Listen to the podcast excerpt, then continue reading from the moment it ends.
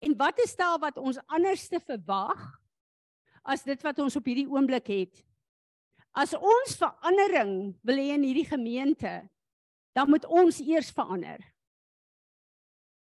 En een van die dinge wat vir my 'n lang tyd pla, wat die Here op 'n hoogtepunt bring in my, is dat as ons hart is om die nasies buite en om hierdie hele gemeenskap, hierdie hele dorpe en hierdie gemeenskap te bring op 'n plek waar hulle God kan ontmoet, waar hulle die koninkryk kan bou, waar hulle kan doen wat ons geroep het om te geroep is om te doen.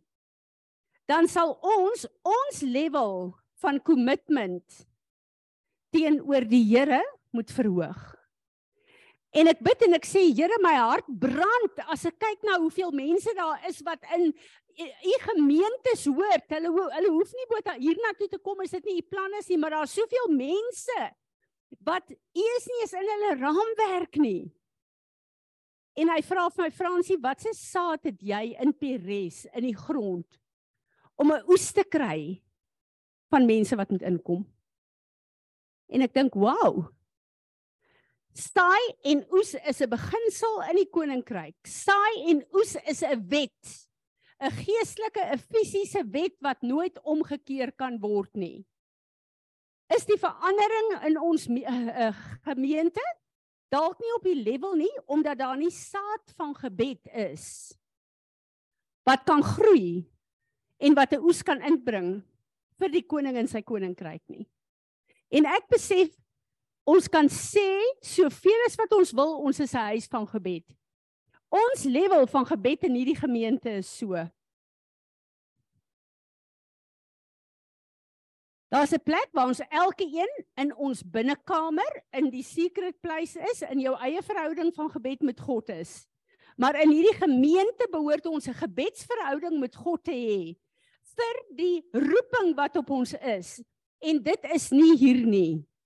Ons het 'n Woensdaagoggende gebedsgroep wat letterlik net uit dieselfde 3, 4, 5 mense bestaan vir hoe lank.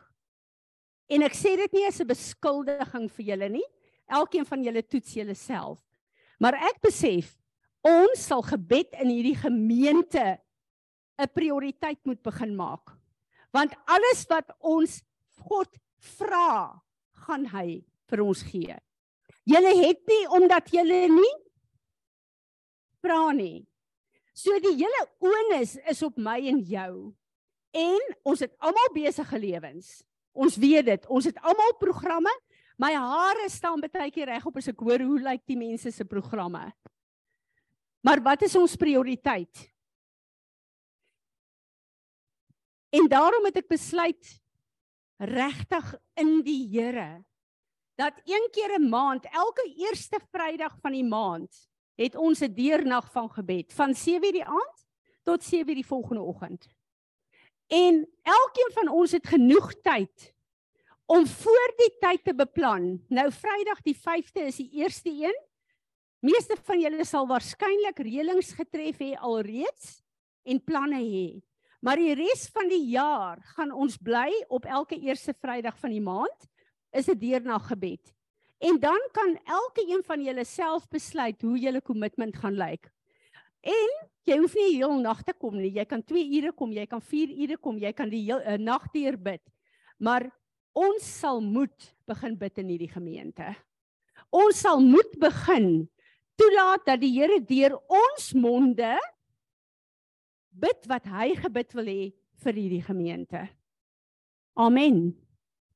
So wat ek ervaar en voel is dat die Here praat oor ons as gemeente se kommitment teenoor hom. En ons doen baie wonderlike goed wat reg en goed is. En ek dink volgens my die woord wat die Here gee deur al die leiers wanneer hulle woord bring is uitstekend. Maar niks gaan gebeur as ek en jy nie besluit dat gebed regtig 'n prioriteit in hierdie gemeente word nie. Kom ons staan. Vader, ons is hier vir oggend om te kom buig in aanbidding. Here, ons is hier vir oggend met ons fisiese liggame om te sê ons het U lief. Ons is honger, ons is dors. Ons is hier Vader om te sê daar het merke aan ons gekom deur die samelewing, deur die wêreld, deur ons elke dag se wandel. Kom was ons met u woord.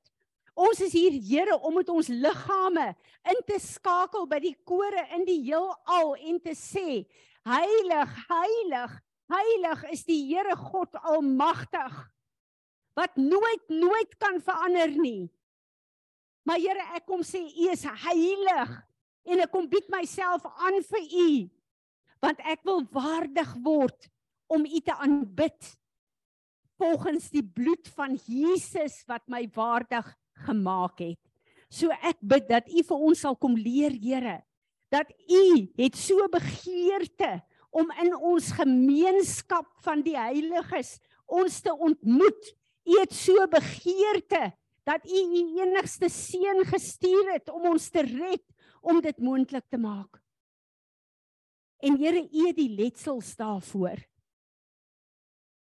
Jesus, U disippels het jare terug vir U gesê, kom leer ons hoe om te bid. En dis wat ons weer wil vra. Kom leer ons in hierdie tyd hoe om te bid. Nie ons eie begeertes, ons eie behoeftes nie, maar u harte bid Here vir 'n verlore gaande gemeenskap en gemeenskappe rondom ons. Gees van God, ons wil u nooi in hierdie oggend. Kom word vaardig. Kom doen wat op die hart van ons Vader is. Kom salf ons dat die aanbidding wat uit ons uitgaan vanoggend 'n soet soet geur sal wees. Here wat vir 'n wêreld daar buite sal wys hoe lyk die God wat ons dien? Hoe lyk ons kommitment? Hoe lyk ons liefde? Hoe lyk ons 'n waardering vir U? Hoe lyk ons bewondering vir U? En ons wil hierdie as 'n offer vir U bring vir oggend. Here Jesus, U het ons teruggebring huis toe. Gees van God salf ons. Vader, ontvang die aanbidding wat ons bring uit harte wat honger vir U is. Amen. Kom ons aanbid hom. Load shedding and electricity. The words will not appear on the screen. Um Is die aanbidding goed wat ons ken? Natasha, is is die aanbidding goed wat ons ken? Uh sê net gou vir my. Goed, die wat ons nie ken nie, haal dit af. Ehm um, Tanya en Fani, kom julle vorentoe asseblief. Uh Tanya en Fani gaan vir ons lei. Ons gaan die liedere wat bekend is gaan ons sing. Die ander dit gaan nie oor julle twee nie, dit gaan van die oor die salwing van die Here op julle en ek vertrou die salwing van die Here op julle. Kom. Ons gaan begin met die onsse Vader.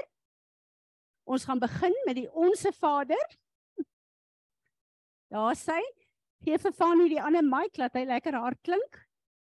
Daar sê En uh, dan wat is daar wat is daar wat ons goed ken. Ons is almal hier te saam vergader in u naam. Die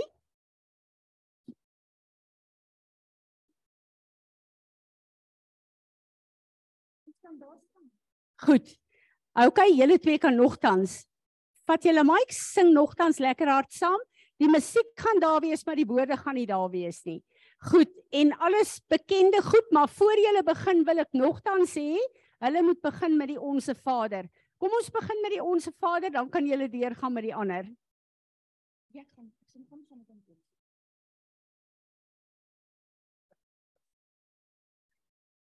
Ons Vader wat woon in die Heer.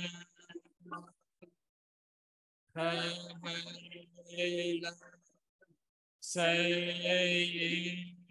naam lang die rijk kom, evil geskied, tussen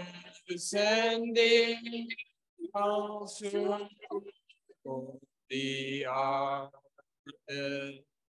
Heer ons vandaag, ons dankse brood. En vergeef ons al ons skulde net soos ons vergewe. Die die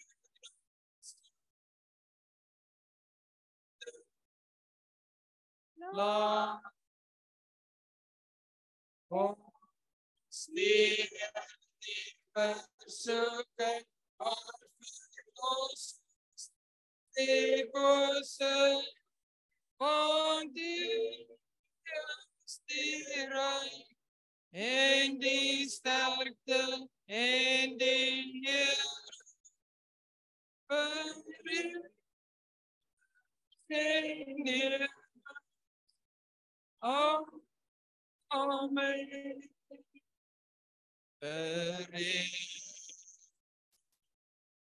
In the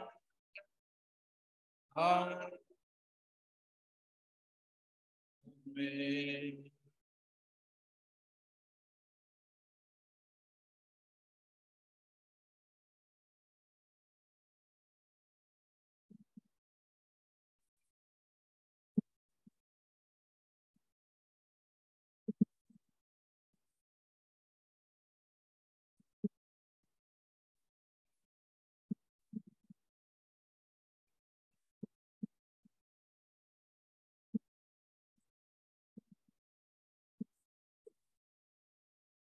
Ek sien in my gees die glorie en die aandag van die Heer die allerhoogste wat in liefde oortrek mooi en regeer.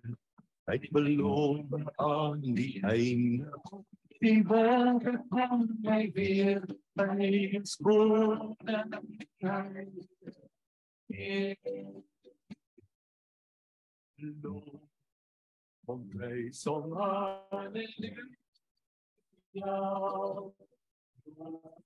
Om prijs om halleluja. Om prijs om halleluja. Ja, hij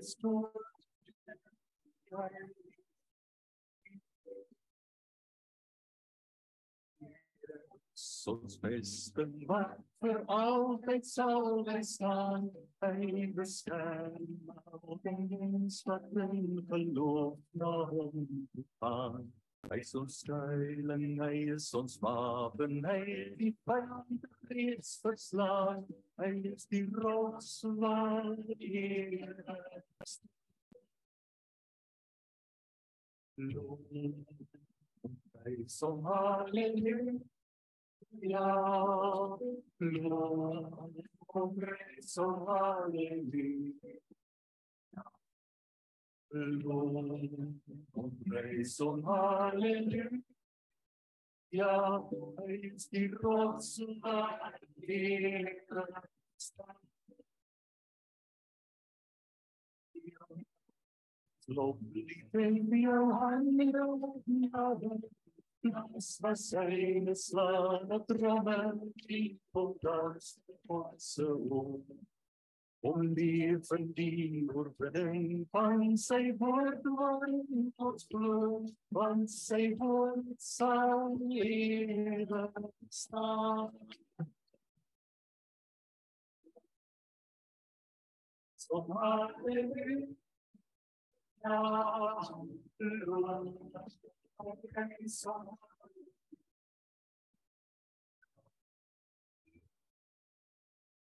So hallelujah, save us, save us, Save us, save us, Save us, save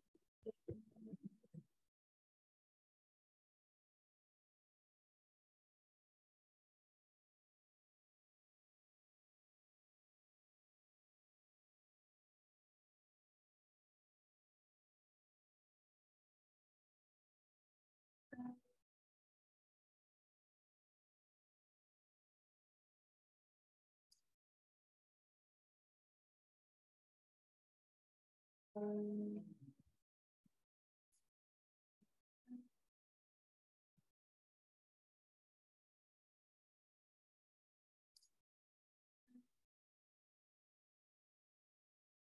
You are here, moving in our midst. I worship you. I worship you. You are here. Terwyl ons gehoorship het, wys Jesus vir my hang in die kruis. En al wat ek kan sien is net sy oë. En sy oë is so vol pyn, maar so vol liefde. En ek besef dit is die prys wat hy vir elkeen van ons betaal het. Hy het homself heeltemal gegee. Heeltemal daai pyn moes onbeskryflik gewees het, maar sy liefde vir ons het alles oorheers. Amen. Nog iemand voor Tanya kom? Tanya kom? Ja. Ek wil net vir julle sê, wanneer ek wanneer daar iets is soos gebeur het met die worship en ons moet besluite neem, ek sal nooit iemand op 'n spot sit nie. As ek vir Fani en vir Tanya sê, kom vorentoe en kom dinge doen, doen 'n ding, is dit omdat hulle alreeds dit in die gemeente gedoen het. Hulle behoort gemaklik te wees daarmee en hulle behoort net te gaan en te lei op hierdie gebied. En wanneer ek meeste van die tyd sê iemand moet iets doen, is dit die Heilige Gees wat met my praat. En hy gaan nie vir julle sê om iets te doen as hy julle nie toerus om dit te doen nie. En hierdie is die plek waar ons behoort nie te luister na die intimidasie van die vyand nie om te sê ek kan nie of ek wil nie of ek is skaam of ek is uh hierdie is die plek. Ons is 'n huis na huis gesin ons kan foute hier maak. En uit die foute gaan ons meer leer as uit die goeie goed wat ons doen. So jy moet vrymoedigheid hê om wanneer die Here met ons praat dit te doen ons is 'n gemeente van tyd tot tyd sal hier voor 'n ander leier staan maar Jesus is die hoof van hierdie gemeente en ons moet dit verstaan. Uh Tsepo, I just want to say I had a whole um uh, announcement this uh, morning. Uh, every first Friday evening of the month, we are having a night through, all night prayer, seven o'clock, seven o'clock to the morning. Every first Friday of the month. I just want you to hear that starting on Friday. Tanya het vir ons 'n testimony. Dankie Tanya. Ek bely, ek is 'n vurige ek is 'n vurige mens, maar as ek so dan bewe my hele lyf as ek hier voor moet staan. En ek weet nie altyd nie en ek dink ek kan partykeer my mense moeg maak want ek is ek is baie eager, ek's baie haastig altyd. Dit is net wie ek is. Ek het ek dink dit was Woensdag het ek saam met Fanie gewerk. Sy stroper het gebreek in die middel van die grondpad.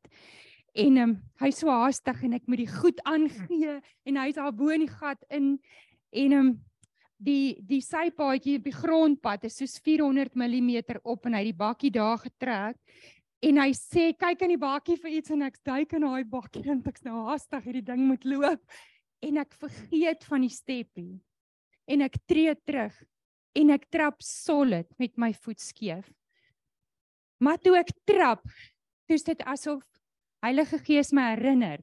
Die woord vir die oggend wat ek gelees het was Spreuke 4 waar daar staan: Wanneer jy in die wysheid van God wandel as regverdige, sal jou voet nie belemmer word nie. Jou loop sal nie belemmer word nie en jou hardloop sal jy nie struikel nie.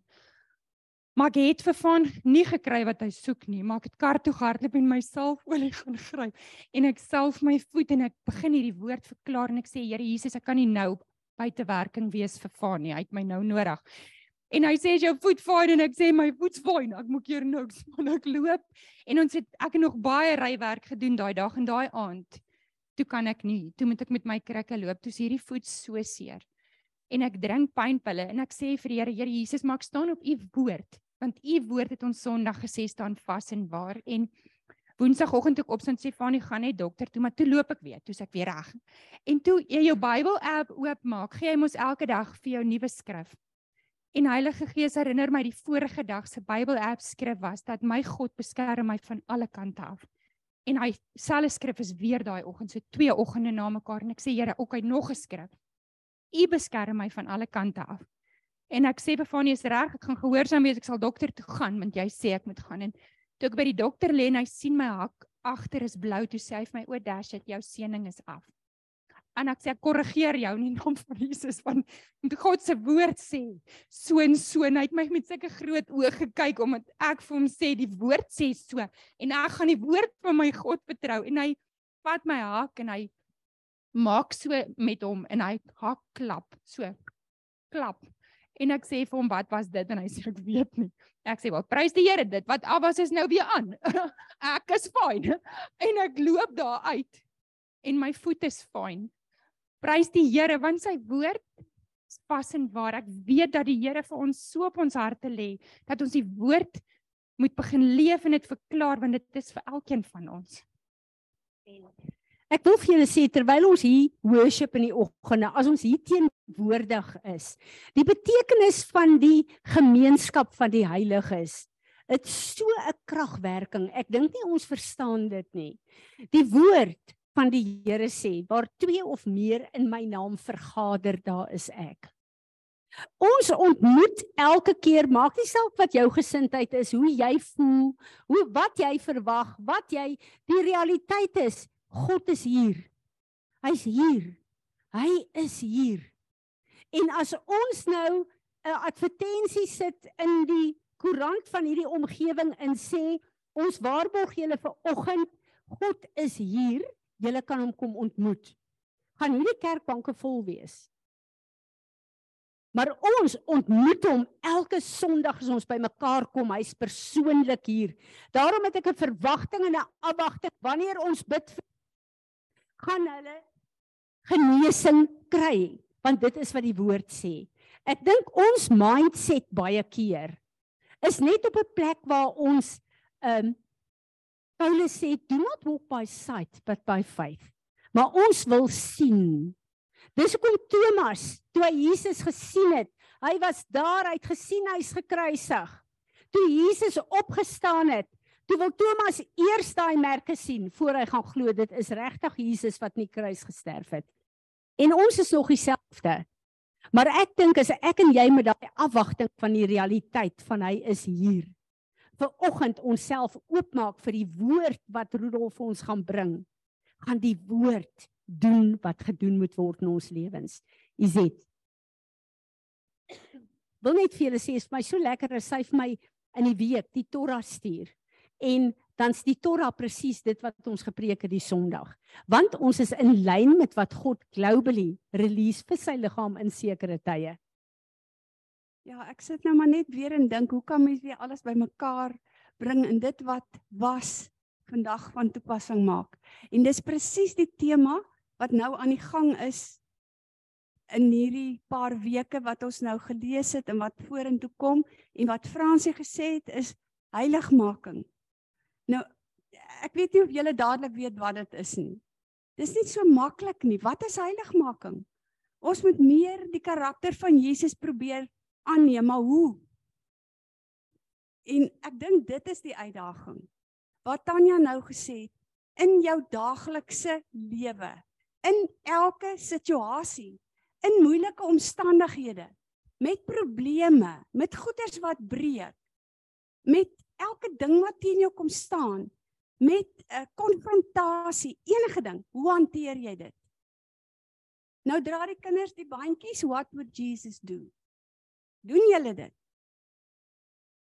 En as jy nie weet hoe Jesus sou optree nie, dan moet jy dit gaan lees. Sy het dit gelees. So in alle opsigte moet ons daarna strewe elke dag en jy gaan elke dag faal, maar jy gaan weer vra vergewe my ek gaan weer probeer. Ek probeer. En weet jy as jy aanhou probeer, dan dan kom dit nader aan makliker. Is nie maklik nie. Bid vir ons sommer vir Israel. Kom ons bid vir Israel. Kom weet hoe moeilik Israel op die stadium is. Ag Vader, ek weet ons aanbid 'n God wat alles weet. Wat alles beplan het voor voor die uh, grondlegging van die wêreld. Ek weet dat U almagtig is. Ek weet dat U planne gaan gebeur. Ek weet dat U woord vas staan, Here. En daarom wil ons net ver oggend weer kom en vir Israel bid. Ons kom net ons plig na. As dit dan 'n manier is van heiligmaking, Here, ons is gehoorsaam. Ons wil graag u volk voor u hou. Wat ook al daar aangaan, Here. Soveel situasies, soveel probleme, soveel opinies, soveel onwaarhede, soveel moeilikheid wat daar aan die gang is. 'n Dreigende oorlog, Here. Maar ek bid dat alles binne u tyd sal geskied. Maar ek bid, Here, dat u daardie mense se oë sal oopmaak en die ore sal oopmaak en ook hulle harte dat hulle weet waar hulle verlossing vandaan kom. Ek bid Here beskerm hulle teen die gevare. Ek bid Here dat hulle ook in hierdie moeilike situasies waar ons hoor van mense wat doodgeskiet word, van bomme wat ontplof, ag sommer van alles wat daar gebeur Here, dat U hulle ook sal leer om in hierdie situasies na U uit te roep. Niemand niemand kan hulle regtig help nie, Here, net U. En ons weet daar gaan net 'n remnant oorbly want U woord sê so. Here, maar maak hulle heilig. Maak hulle rein. Trek hulle nader. Ek ek vra al hierdie dinge in Jesus naam. Amen. Sepu, come and pray for South Africa, please. And especially for the body of Christ that must become the answers of this nation.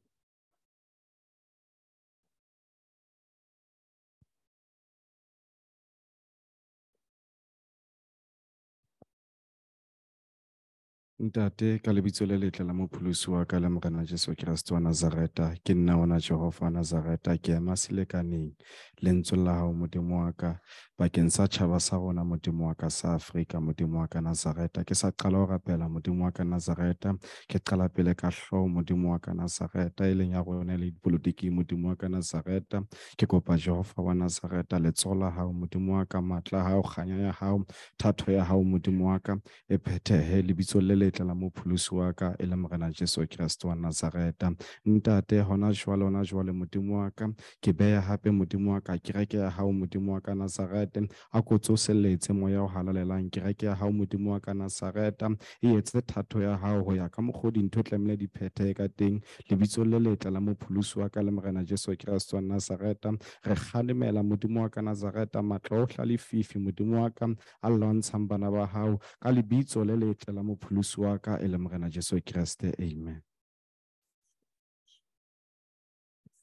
Okay, Heavenly Father, before you, we pray right now for our nation, South Africa.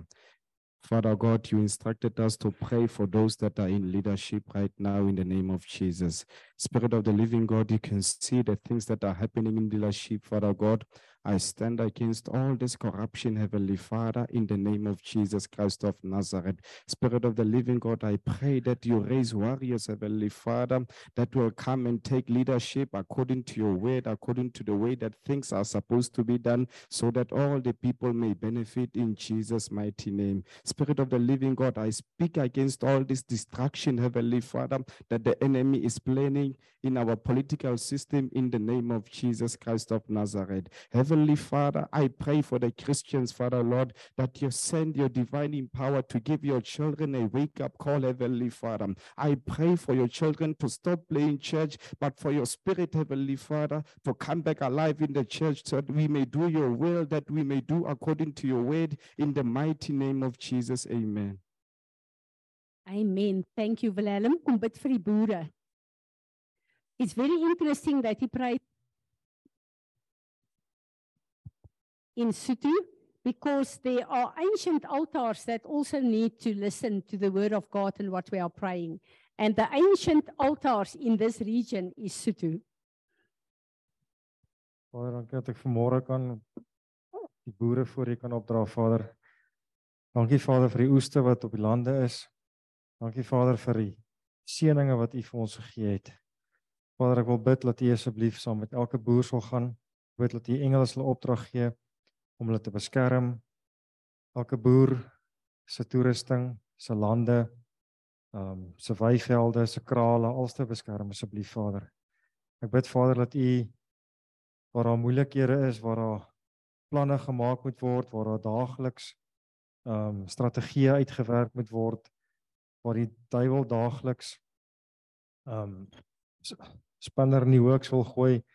Ehm um, Vader bid ek dat U asseblief vir ons as boere Heilige Gees kom rig ons voetstappe. Dat ons alles wat ons doen sal doen in U wil, in U perfekte wil Vader. Vir dit wat U vir ons beplan het. Heilige Gees, maak ons wakker in die Gees om U wil te soek, om U stem te hoor. En daar waar daar vrese is, daar waar daar twyfel is, bid ek Vader dat U vir ons sal wysheid gee om teen dit te bid en teen dit op te tree in die naam van Jesus. Amen. Amen. En ek wil asseblief 'n beroep doen op julle. Meeste van ons is betrokke by die boere, maar dis nodig dat ons as 'n gemeente sal bid en agter hulle staan en bid wat op God se hart is, nie wat op ons hart is nie. Rudolf.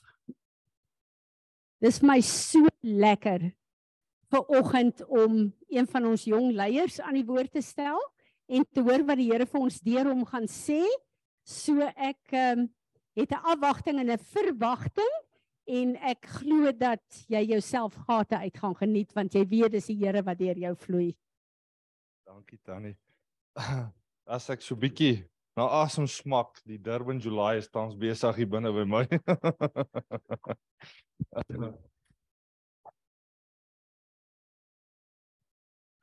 sorry.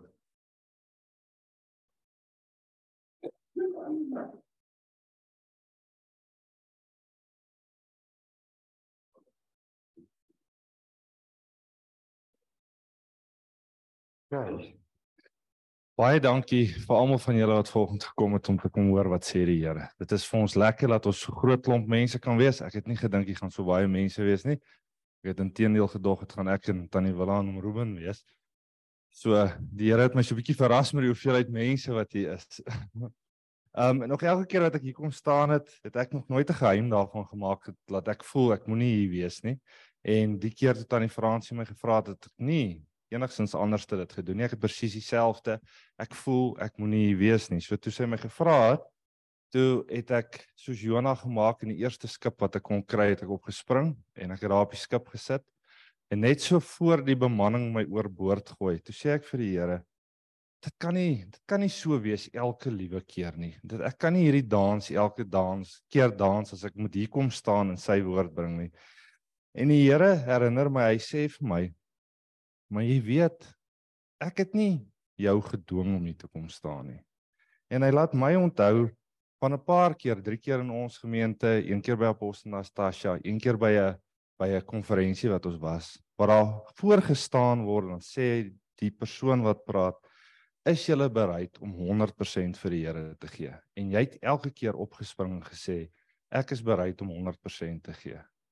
En die Here sê vir my, jy moet net onthou, ek is nie in jou ehm um, diens nie, jy's in my diens. En ek sit daar en ek sê, "Jesus Here, ek is jammer." En ek ek besef ook toe ons is baie maklik om hier op te spring te sê, "Yes, voluit," maar as dit daar kom dan is baie min van ons bereid om dit te doen. En ek wil graag, ek het 'n gebed geskryf wat ek graag vir ons wil lees. Ehm um, so die wat julle oor wil toe maak, maak toe. Vader God, ek kom ver oggend voor U en ek wil jammer sê omdat ek dink u is in my diens en nie ek in u diens nie. Jammer omdat ek u ligtelik gebruik.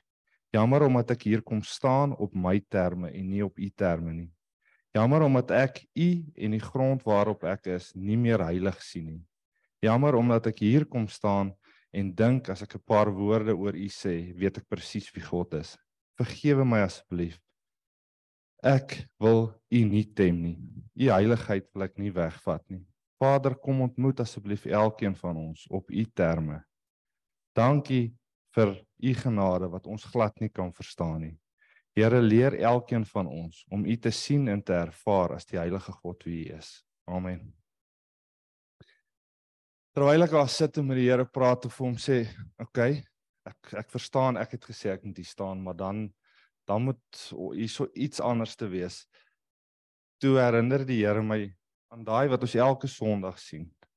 Want elke keer as ek hier moet kom staan, dan dink ek aan my mede-kollegas wat hier voor kan kom staan hulle vat een versie en hulle kan 'n 3 ure preek hou en hulle kan nog 'n boek ook gaan skryf oor een versie daarna en dan wil ek in dieselfde manier hier kom staan en vir julle dit bied. En die Here sê vir my, ons het almal daai papiere ingevul. En ek dink hier's baie nuwe mense in ons gemeente wat dalk by Tannie Willa of by Tannie Fransie daai papiere moet kry en invul.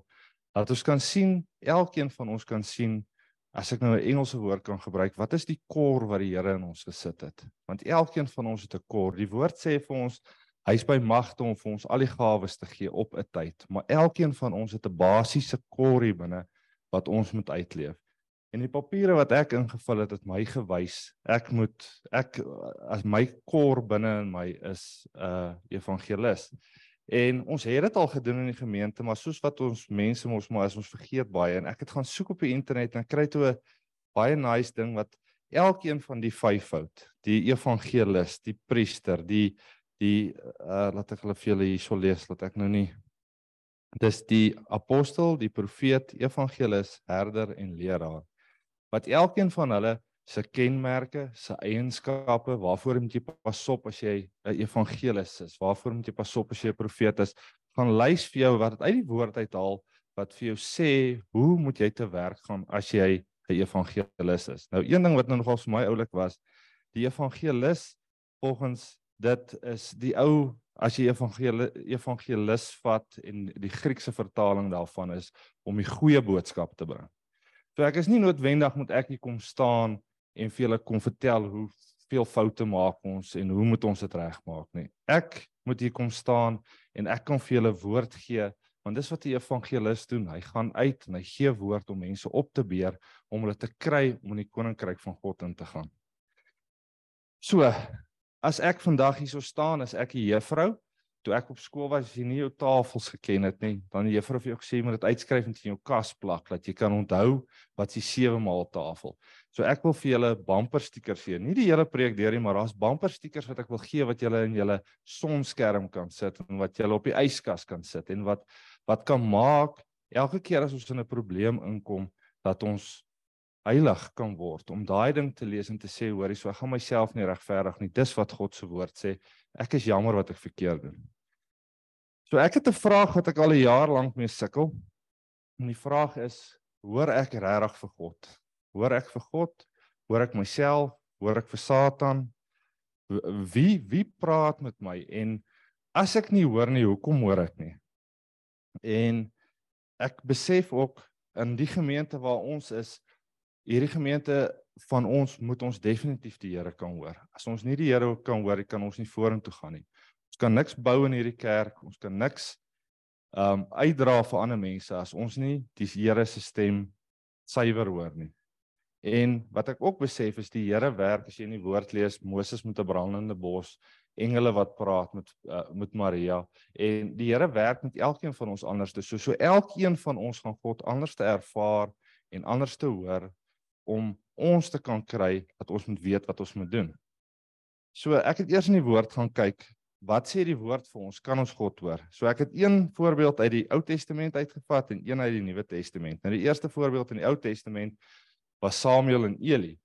En Samuel het gelê in slaap en Eli het gehoor Samuel Samuel en hy het opgestaan en hy het gehardloop en hy het na Eli toe gaan en gesê ja jy roep my en hy sê ek het jou nie geroep nie gaan lê weer en hy het gaan lê en so dit weer gebeur wat Samuel hoor Samuel Samuel en hy hardloop na Eli toe en hy sê vir hom ja, jy roep my en hy sê ek het jou nie geroep nie en sodat dit 'n derde keer gebeur. So ek wil net 'n stukkie vir julle lees. Toe besef Eli dat die Here die seun geroep het en Eli sê vir Samuel: "Gaan lê en as iemand jou weer roep, sê jy: Praat Here, u dienaar luister." Samuel het toe gegaan en op sy slaapplek gaan lê. Die Here het gekom en gaan staan soos die vorige keer en geroep: "Samuel, Samuel." En Samuel het gesê: "Praat Here, u dienaar luister." Um in die lewe waar ons tans is en soos wat Tannie Fransie nou nou gesê het met die programme wat almal het dink ek die Here kom bitter baie na ons toe en ek dink 90% van die kere sê ons nie praat Here ek u dienaar luister nie want ons is so gevang in hierdie wêreld en wat ons moet doen en waartoe ons moet gaan en wat ons moet bereik en uh, dit is ek ek dink ons moet begin oplet as ons die Here hoor om te sê Here u dienaar luister In die Nuwe Testament lees ek van Saulus. Nou Saulus het die Christene vervolg. En hy was op pad Getsemane toe. Ek gaan met vir julle luister. Ag D- Damaskus toe. Toe hy op reis naby Damaskus kom, het daar skielik 'n lig uit die hemel op hom gestraal. Hy het op die grond neergeval en die stem het vir hom gesê: "Saul, Saul, waarom vervolg jy my? Wie is u, Here?" vra hy toe. "Ek is Jesus," antwoord hy. "Dit is vir my wat jy vervolg, maar staan op en gaan na die stad toe. Daar sal vir jou gesê word wat jy moet doen." As ek Google vat en dit wat ek al gelees het en so is daar meer as 2000 voorbeelde in die Ou Testament waar God met mense gepraat het. In die Nuwe Testament is daar net soveel voorbeelde, maar Jesus was op aarde gewees, so dit is nie soveel soos wat in die Ou Testament was nie. Ehm um, ek het toe gegaan en ek het net 3 gebeurtenisse in Jesus se lewe gaan uithaal waar God met hom gepraat het. En die een is Jesus se doop en die ander ene is die transformasie van Jesus en Jesus se kruisiging. Nou ek wil graag die transformasie van Jesus lees want ek het dit so lank terug gelees dat ek al vergeet het dit staan in die Bybel en toe ek dit lees, toe sit vir my opnuut weer dat ek net kan sien hoe wonderlik die Here is. 6 en dit staan in Matteus 17 1 tot 8. 6 dae later het Jesus vir Petrus en Jakobus en sy broers Johannes saamgeneem en hulle op 'n hoë berg gebring waar hulle alleen was. Daar het hy sy voorkoms voor hulle oë verander. Sy gesig het begin straal soos die son en sy klere het wit geword soos die lig. Skielik het Moses en Elia aan, aan, aan hulle verskyn en met Jesus gepraat. Toe sê Petrus vir Jesus: "Here, dit is goed dat ons hier is. As U wil, sal ek drie hutte bou, een vir U, een vir Moses en een vir Elia." Terwyl hy nog praat, het 'n helder ligte wolk skielik sy skare weer oor hulle gegooi en 'n stem uit die wolk het gesê: "Dit is my geliefde seun, oor wie ek my verheug. Luister na hom." Toe sy disippels dit hoor, het hulle baie bang geword en op die grond neergeval. Maar Jesus het na hulle toe gekom, hulle aangeraak en gesê: "Staan op, moenie bang wees nie." Toe hulle opkyk, het hulle niemand gesien nie, net vir Jesus. En ek dink myself in hoe wonderlik sou dit gewees het as 'n mens daar kon gestaan het en jy kon dit hoor. Ek dink nie dan sou enige een van ons gesukkel het met enigiets nie. Ek dink ons sou dan die reguit pad makliker kon geloop het. So daar's oors genoeg skrif in die woord wat vir ons sê ons moet Heer die ons moet vir God kan hoor. En die woord sê vir ons die Here verander nooit nie. Hy's vandag en vir altyd dieselfde. So ons almal wat hier sit vandag moet die Here kan hoor. Elke liewe een van ons moet kan sê dit is wat die Here sê.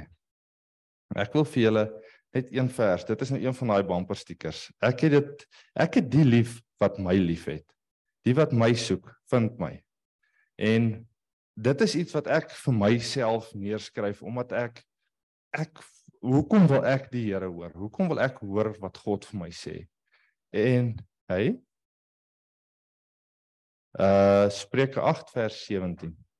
En die rede hoekom ek wil hoor wat die Here vir my sê is ek wat met boere werk en wat uitgaan om tussen mense te werk kan dit nie doen as God nie saam met my is nie. Ek kan nie langs 'n boer sit en as 'n boer my vra, "Jessie, wanneer dink jy wanneer moet ons um plant vir hom sê, nee, gaan hoor by die Here as ek self sukkel, hoekom hoekom hoor ek dan nie by die Here nie?"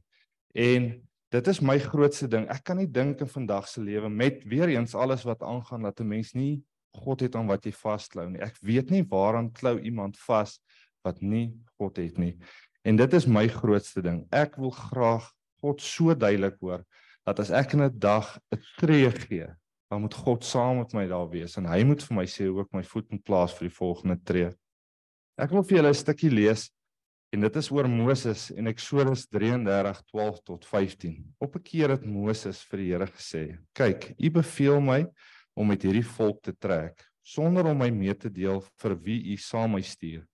Toe het U gesê: Ek ken jou en jou naam. Ek is jou goedgesind. As U my dan goedgesind is, maak my U wil bekend sodat ek U kan leer ken en kan doen wat U verwag. Onthou tog hierdie nasie is U volk. Toe het die Here gevra: "Moet ek self saamgaan en vir jou vrede gee?" Toe het Moses vir hom gesê: "As U nie self saamgaan nie, moet U ons nie hiervan af laat wegtrek nie." En ek is presies soos daar waar Moses is.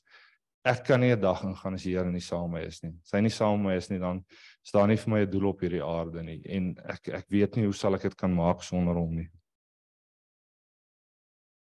Die groot ding dink ek hoekom ons die Here nie hoor nie. En ek het laas jaar het ek soos een van hierdie manne in ons parlement gestaan vir menseregte. En een van die regte wat ek voor gestaan het in onsself was hoekom hoekom sê ons vloekwoorde is vloekwoorde? Hoekom wie het gesê dis vloekwoorde? Ek lees, lees nêrens in die Bybel wat sê as jy hierdie woord sê is dit vloekwoord nee en ek het verstaan die Frans julle is daar by ons huis gewees self gehad en ek het gesê ek glo dit nie. Ek dink hier's baie van die sondes wat hulle sê ons sonde doen wat nie sonde is nie is mensgemaakte goeders. En sy het vir ons skrif gedeel en ons is 'n klomp wat nie wou luister nie. So erg dat daar tot vandag toe nog mense is wat vir my sê van daai sel daai aand kry hulle nie opgehou vloek nie. En ek sit en dink daaroor ek dink vir myself ons het reg gegee daai aand en en ons het 'n sonde wat 'n sonde is gemaak dat dit nie 'n sonde is nie en Nou sit ons met 'n klomp mense wat en wat regtig vir my sê hoor hierso ek weet nie hoe om dit te kry nie en ek weet ons sal dit in dieself die volgende keer uitsorteer maar dis wat ons doen as ons sonde maar net 'n klein dingetjie maak. Dan in Fransie daai aand vir ons gesê sonde is as jy nie merk mis as jy rebelleer teen God. En ek weet ons wil dit glad nie hoor wat ek nou sê nie maar daar is nie 'n ding soos 'n groot en 'n klein sonde nie en ek besef dit. Of ek 'n kar gaan steel of gaan vloek ek het die merk gemis ek het nie gedoen wat God van my verwag nie. En ek wil vir julle lees in hoog ag ek hoef dit nie maar in Hooglied 2 vers 15 staan daar so want ons as mens maak sonde klein. So ons sê ag nee man, dis net 'n klein dingetjie. Ek het net 'n wit leuen vertel. Maar Hooglied Hooglied 2 vers 15 sê dis die klein jakkalsies wat die wat die wat die wingerd verwoes. En wat ons doen elke keer as ons hierdie sonde doen en dit maar net sommer so maak is Ehm um, ons begin 'n baksteenmuur bou en ons sit daai eerste steen so neer. Nou ek kan nie onthou ehm um, wie hierdie wag laat ek eers hierdie vir julle sê. In Markus 11 vers 25 staan daar. En wanneer jy staan om te bid en jy het iets teen iemand, vergewe hom, dan sal die Vader wat in die hemel is julle ook julle oortredings vergewe. Nou ek en Lazaan is baie keer geneig om as ons bietjie reaksies het teen mekaar dat so dit so te laat slymer en nie dit uit te sorteer nie. So dan gaan daai hele klomp daar verby en ons sit met probleme in die huis en ons kan nie verstaan hoekom nie, maar as 'n mens hierdie ding gaan lees, dan sê die Here vergewe mekaar anders te help nie as jy kom bid vir my nie. En 'n ander stuk is Psalm 66 vers 18 wat sê: As daar sonde in my hart was, sou die Here nie geluister het nie. So dit is net weer 'n confirmation vir my as daar sonde is, bou ons hierdie muur en ons kan God nie hoor nie. Jesaja 59 vers 2 sê: Dit is julle oortredings wat skeiding gebring het tussen julle en julle God. Dit is julle sondes wat maak dat hy hom nie aan julle steur nie en nie na julle wil luister nie. Hy wil nie na ons luister nie. Ek kan nie onthou of dit om Johan of tannie Fransie was wat eendag 'n grappie of 'n gesegde gesê het ons gaan nooit bou in die hemel nie want daar gaan nie bouers wees nie en ek stem 100% saam met dit. Want al hierdie klein sonnetjies wat ons doen, bou ons een van die beste mure wat ons kan tussen ons en God. En ons kom op 'n punt dat ons nie 'n woord kan hoor nie. En ek moet julle ook net sê, hierdie gebeur nie in 'n week nie. Hierdie gebeur oor 'n jaar wat ek besig is om hierdie ding te probeer uitsorteer om te kan sien, hoorie, maar hoekom hoor ek nie die Here wat ek hom 8 maande terug gehoor het nie? En dan sit 'n mens en jy sien het hierdie muur gebou. Ek en Lizaan het so 2 weke terug het ons Passion of Christ gekyk en dit wat dis net wat ek beleef het uit die storie. Dit staan nêrens in die woord nie. Maar ek wil net vir julle lees Matteus 27:45 tot 46 sê. Van 12 uur af het daar duisternis oor die hele land gekom en dit het tot 3 uur geduur. Teen 3 uur het Jesus uitgeroep: Eli Eli lema sabachthani dit is my God, my God, waarom het U my verlaat? En ek sê weer, dis net hoe ek hierdie vir my as jy die storie sien, jy sien daai donkerte en ek dink dit is presies wat ons doen met hierdie muur. Ek dink dit moes die tyd gewees het waar al die sonde op Jesus gaan lê het. En net soos met ons het Jesus God nie gehoor nie want al die sonde het sy stem doodgemaak en dis hoekom hy gesê het my God my God waarom het U my verlaat want die sonde was net te drukking op hom en sonde skei ons van God af. Ek het so ruk terug het ek 'n bloedlyn sessie gedoen en hulle het my bloedlyne gedoen en tannie Fransie en Piet sê toe hoorie vir my hulle voel daar's iets met my hart. En toe ek nou hierdie boodskap doen, toe verstaan ek hulle daai dag gesê hoorie so jy's dit is dalk fisies, maar ek dink dit is nie fisies nie. Ek dink my hart het al so hard begin word met my muur wat ek gebou het, laat my hart se kondisie nie meer reg was nie. Ek het 'n ek het 'n hart gehad van twyfel, ek het 'n ongelowige hart gehad. Ek het 'n begeerlike hart gehad en my hart het stukkie vir stukkie begin agteruit gaan sonder dat ek agtergekom het en dit het gaan uit en uit net oor 'n muur wat gebou is tussen ons. Ek gaan soek toe en dit is nou nogal vir my oulik hoeveel twee stories vertel. Daar was twee manne wat se harte verkeerd was. Een het presies geweet om sy hart reg te maak en die ander een het nie geweet om sy hart reg te maak nie.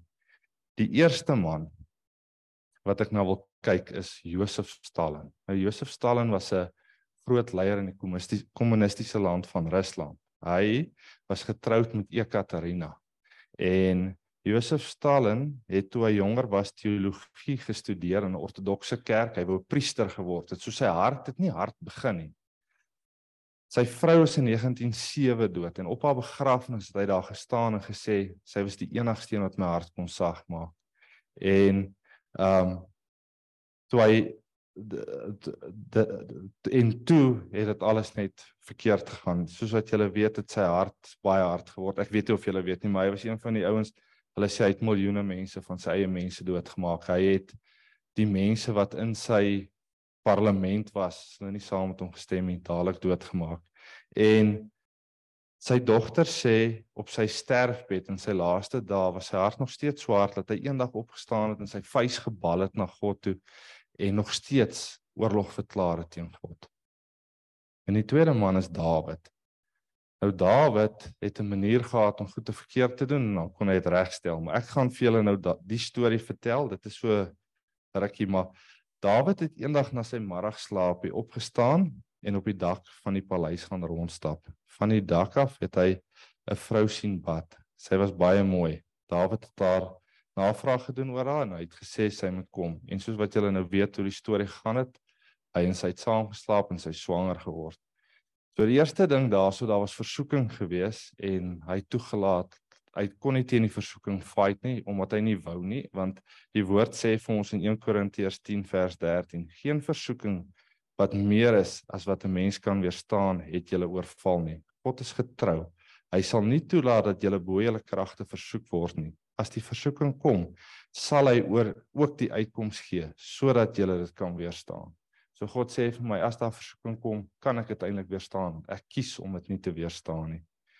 En dit het nie daar weer eens Dawid se storie het ook nie net in 'n week gebeur nie. Dit was oor 'n lang tyd en so het Dawid toe vir Uria gesê hy moet na hom toe kom en as jy nou die hele storie gaan lees, toe het hy vir Dawid eers probeer omkoop en toe hy eers vir Dawid toe lieg hy vir Dawid en sê ag vir Uria en sê vir Uria van hy moet na sy vrou toe gaan. Maar Uria se hart was goed geweest en vir hom het dit net gegaan oor oor sy koning. Hy wou alles doen om die oorlog en sy koning te behaag. En Uria het uh, alles hy het nie een ding gedoen soos wat Dawid dit wou gedoen het nie. En toe Dawid gesê hoor hy sommer sit hom in die voortoue van die oorlog en op die ouend het Dawid moord gepleeg en dit is waar Dawid se muur gebou is soos wat ons mure gebou is. Maar net soos wat ek vir julle nou gelees het in Korintiërs van dat die Here ons uitkoms sal gee, het die Here vir Dawid ook uitkomste gegee want dit is hoe ek dit sien. Sy muur was so gebou gewees dat 'n man wat altyd God se woord kon hoor, nie kon hoor nie en toe moes die Here vir Nathan stuur om vir hom te sê: "Dawid, luister." En Dawid, ek gaan dit vir julle lees. Dis nou nogal 'n stukkie so bytvas. 2 Samuel 12:1 tot 13. Daarna het die Here vir Nathan na Dawid toe gestuur. Nathan het vir hom gesê: Daar was twee mans in dieselfde plek. Een was ryk en die ander arm. Die ryke het 'n groot 'n uh, groot trop kleinvee en beeste gehad, behalwe een ou ooi lammetjie het die arme niks besit nie. Hy het haar aan die lewe gehou en sy het saam met sy kinders groot geword. Sy het van sy krummeltjies geëet, uit sy beker gedrink en op sy skoot geslaap. Ja, sy was vir hom soos sy eie dogter. Daar het 'n besoeker by die ryk man gekom en hy kon nie oor sy hart kry om van sy eie kleinvee of beeste te vat om en vir die reisiger te slag nie. Toe vat hy die ooilam van die arme man en slag haar en sy vir sy gas. Dawid het hom bloedig vererg en oor die man wat en vir Nathan gesê: "So seker as wat die Here leef, 'n man wat dit oor sy hart kon kry om so iets te doen, moet doodgemaak word en hy moet viervoudig vir hierdie ooilam vergoed. Jy is die man," sê Nathan toe vir Dawid. En Dawid doen iets wat ons sukkel om te doen. En ek en Lizaan probeer nogals kyk vir dit want dit is iets wat ons baie doen. As daar iets verkeerd gebeur in ons huis, het sy ek of sy iets verkeerd doen, dan wil ons onsself altyd probeer regverdig. Maak nie saak of jy weet jy het iets verkeerd gedoen nie. Ons wil onsself altyd probeer regverdig. So ehm um, het sy ja, maar hy moes nie voor my ingery het nie. Dis sy verdiende loon. Ons like dit om te judge en dan onsself te regverdig. Dawid het nie eendag dit gedoen nie. Dawid het nie eendag gesê hoorie sommer sy moes nie daar gestaan en gebad het nie, dan sou dit nie gebeur het nie. Hy het dadelik gesê en ek lees dit vir julle. Ehm um, Toe sê Dawid vir Nathan: Ek het gesondig teen die Here en Nathan sê vir hom: Die Here het jou sondes vergewe. Hy jy sal nie nou sterwe nie. So Dawid het dadelik gesê: Ek is jammer, ek het fout gemaak. Niks verskonings gesoek nie. Hy het geman op. En dit is die eerste ding om hierdie muur te begin afbreek, is om te man up en te sê ek het fout gemaak. En dan is dit weer eens 'n lang pad om deur al hierdie goeters wat jy foute gaan, te gaan en te gaan repent. En as 'n mens dan nou vat, Dawid het Psalm 51 geskryf oor sy sy sonde wat hy gedoen het met Batseba. En ek dink dit is vir ons so 'n goeie voorbeeld van hoe ons moet op 'n plek kom om al hierdie sondes af te breek, laat ons 'n oop lyn hê tussen ons en God. En ek wil vir julle Psalm 51 lees. Dis vir die koorleier 'n Psalm wat Dawid na aanleiding daarvan dat die profeet Nathan by hom was, dag toe gekom het oor sy oorspel met Baseba. Wees my genadig o God, u troue liefde wis my oortredings uit. In u groot barmhartigheid was my skoon van my skuld, reinig my van my sonde. Ja, my oortreding ken ek en van my sonde bly ek altyd bewus. Teen u alleen het ek gesondig. Ek het gedoen wat verkeerd is in u oë. Die uitspraak is dus reg en die oordeel regverdig. Ek was al skuldig toe ek gebore is, met sonde belaaid toe my moeder swanger geword het, maar u verwag opregtheid diep in 'n mens se hart. Laat ek dan diep in die binneste weet hoe u wil dat ek moet lewe. Neem tog my sonde weg dat ek rein kan wees. Was my dat ek witter as sneeu kan wees. Laat my weer blydskap en vrede belewe. U het my verbrysel, laat meer ag, u het my verbrysel. Laat my weer jubel. Moet tog nie agslaan op my sonde nie, wis al my skuld uit. Skep vir my 'n rein hart, o God. Vernuwe my gees en maak my standvastig. Moet my tog nie van U af wegdryf en 'n heil, en U Heilige Gees van my af wegneem nie. Laat my weer die blydskap ervaar van iemand wat deur U verlos is. Laat my U weer met toewyding dien dan sal ek oortreders leer wat u van 'n mens verwag. Dan sal dan die sondaars tot u sal bekeer. Red my van ondergang, o God my redder, dat ek kan jubel oor u verlossingsdaad. Nou, daar's nog aan, maar wat ek lees uit dit uit en ek wil vir julle sê, ek dink dit is seker die beste gebed wat ek nog gelees het as jy sonde doen. Here was my wit so sneeu want ons almal wat hier staan ek sê verskoon my as ek sê ons ek praat oor myself dis net die manier hoe ek praat maar ek dink ons staan met soveel van hierdie klein goedjies binne in ons en weer eens dit gaan nie oor die ou wat daar sit en drink en die ou wat hierso 'n sonde in geheim doen nie dit gaan oor ons mis die merk. En Dawid het presies geweet om na die Here toe te gaan en te sê Here haal hierdie hart uit sit vir my nuwe hart in. Ek wil nie dit doen nie. En jy kan lees in sy hy wil nie dit doen nie. Hy wil saam met God wees. Ek wil vir die Here vra dat hy elkeen van ons sal bewus maak dat as hier 'n muur is en ons kan hom nie hoor nie, is hy getrou in sy woord. Hy sê ek sal vir Nathan na jou toe stuur om jou te kom wys. En ek wil vir die Here vra dat hy elkeen van ons oë en ore sou sal oopmaak as Nathan sal kom dat ons hom nie sal wegwys nie, maar dat ons sal sê asseblief kom, sê vir my wat is verkeerd.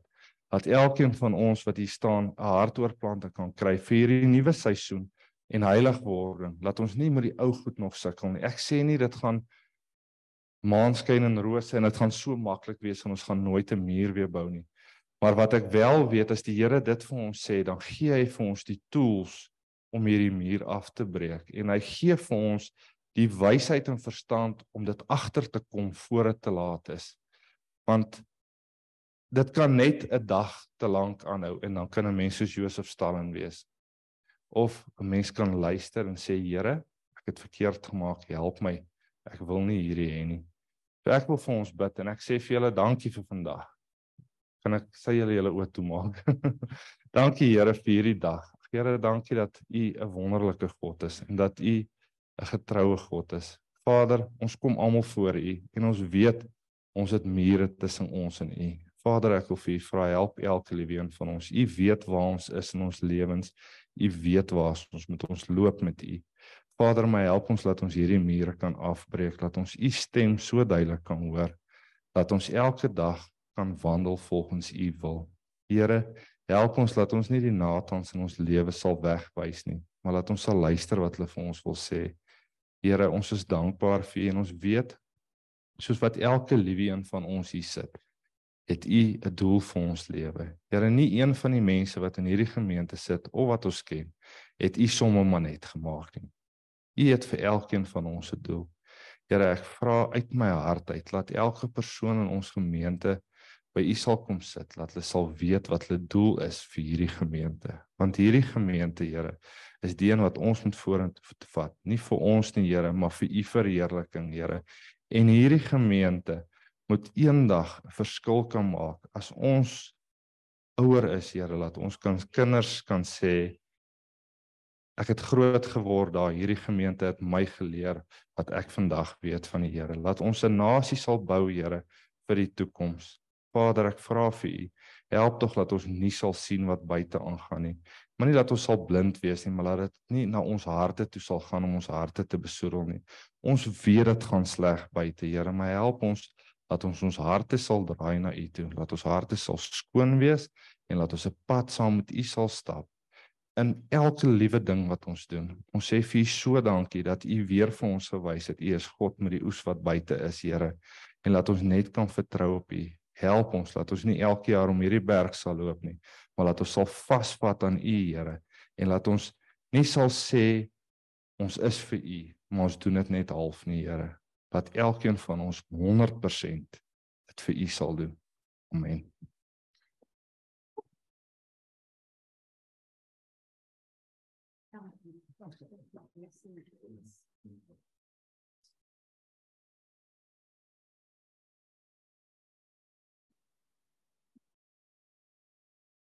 Dis so 'n seën gewees, dankie. Ek voel behaaglik. Dit voel of ek 'n heerlike ete geëet het. Is dit nie so nie? Dankie, Rudolf. Dis my so interessant. Hy seën my so ver oggend want daai gesprekke wat ons ge gehad het by die young adults, het ek vir die Here gesê, Here, hulle is u kinders, hulle is nie my kinders nie. Oortuig hulle van sonde, geregtigheid en oordeel. En nou is dit interessant dat ehm um, ek kan my voorstel wie sit wat sukkel om op te hou met vloek. Ehm um, hoekom pla dit hom? Hoekom pla dit haar? so die groot ding is as dit nie verkeerd is nie en as vloek reg is, hoekom pla dit jou? Hou aan, vloek lekker. ja. Ehm um, dit was nou regtig waar vir my 'n heerlike woord gewees. Dankie. Daar's sommer nuwe nuwe plekke wat die Here ge-highlight het vir my my ehm um, uh lewe en ek hou van die bumper sticker idee. Is my nogal regtig 'n goeie idee want ons almal is eintlik 'n voertuig wat ergens heen beweeg. Nou vanoggend het ons die voorreg, waar is sy om vir Nouleen te hê wat vir ons die ehm um, gaan bedien met die heerlike verbondstekens van Jesus Christus ons Here Meester. Dit is my altyd so lekker uh as ons uit die gemeente uit op 'n plek kan kom staan met hierdie verbondsmaal en as ons sien hoe ons mekaar kan bedien. Dankie Noulien.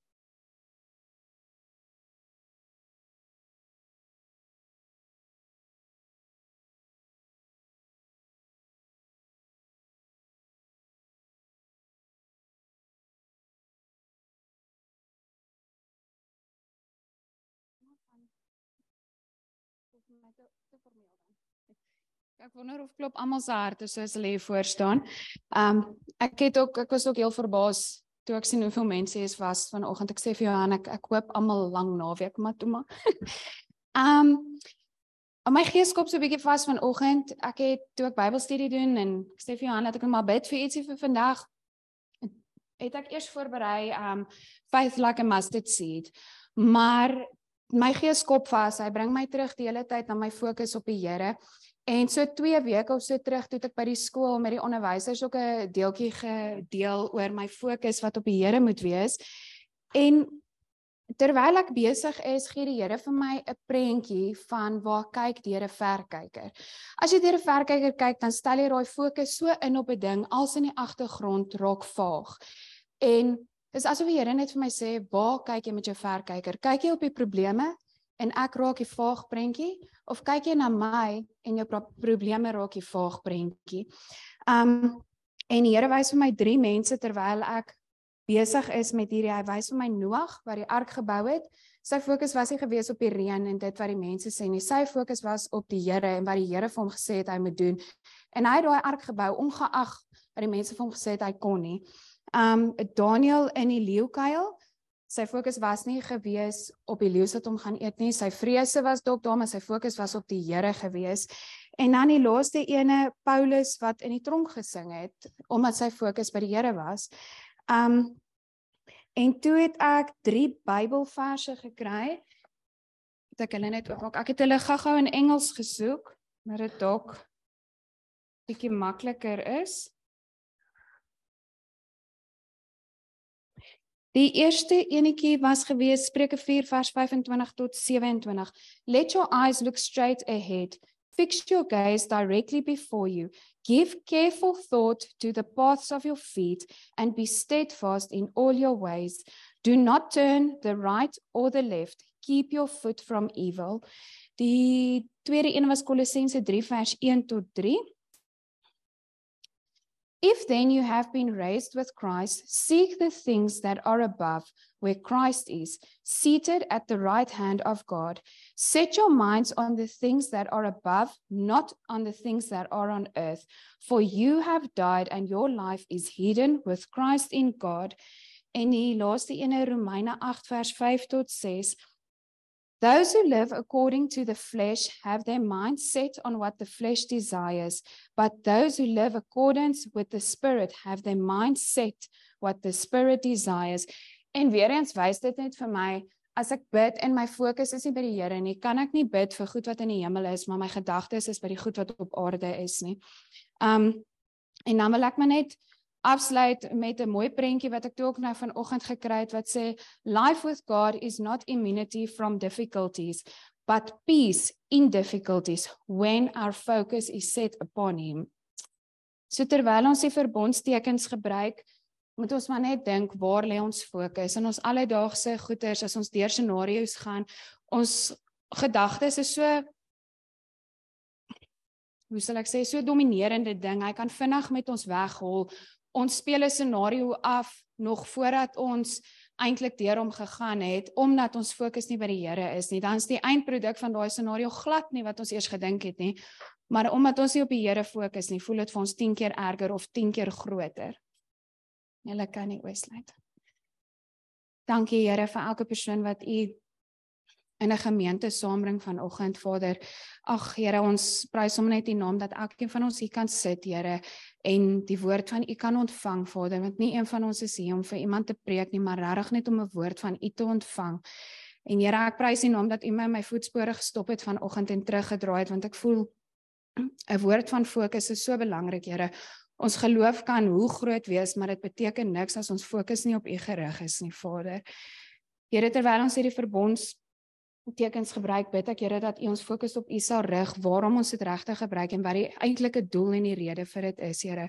Ons is so lief vir U Vader en ons is dankbaar vir alles wat U in ons lewens in kom doen Vader in U naam alleen. Amen. Wat 'n voorreg het ons nie, Janine.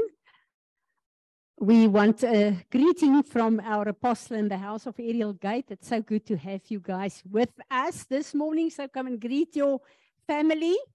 And um dit was vir my 'n baie spesiale tyd vanoggend gewees. Dit was vir my uh ek stem saam met Rudolf.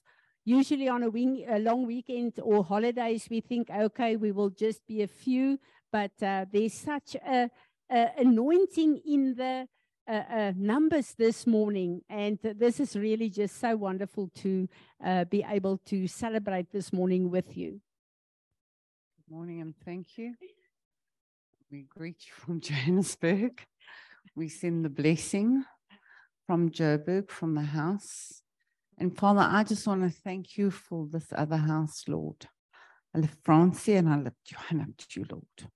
And Father, I'm asking whatever is written in heaven will be brought down to her, that she will be able to do what she needs to do in this area, in this portal. Father, that the angels bounce up and down mm. in the name of Jesus. Father, we're asking for protection for each and every one that stands with her and around her and her family. Father, we're asking for the angels to land mm. and hold. Father, I just want to bless her and Johan in the name of Jesus and their family and their extended families for what they are standing for in the name of Jesus. Father, I just want to thank you for this woman of God. I want to thank you no matter what it has cost her and her family. Father, I'm asking for reparations for them spiritually, physically, mentally, that will be passed down from generation to generation. For each one of them that is serving in the house, Father, for their families, for those that are not part of this church, that we call them in in the name of Jesus. Father, I thank you for the blood that covers this property and every person, for the angels that surround each and every person that has a specific place in this home, Father. I just want to bless you for them. I ask that they stand and they stand firmly in the name of Jesus. Father, bless each and every hand here whatever they have done, multiply it so that they can become an example in the area, in the Free State, so that it continues throughout the Free State into the rest of the country, into the rest of Africa. It will be affected physically, emotionally, spiritually. Father, bless them. Bless this woman's hands. Bless what she does. We ask, Lord, that you just make this place explode. Call the people that need to serve in this home, in this house, Father. Call them in in Jesus' name. Father, I want to bless them. I want to thank you for them, and I want to thank you for this honor. Bless you. Love you. Amen. Shoot, there was such an anointing while she was praying, and I think, wow, we are part of the same DNA. Kom ons ontvang die seën van die Here en dan gaan ons in sy vrede wat beteken in 'n unity met hom van hierdie plek af. Blessings vir julle. Dankie Natasha. Let's stand.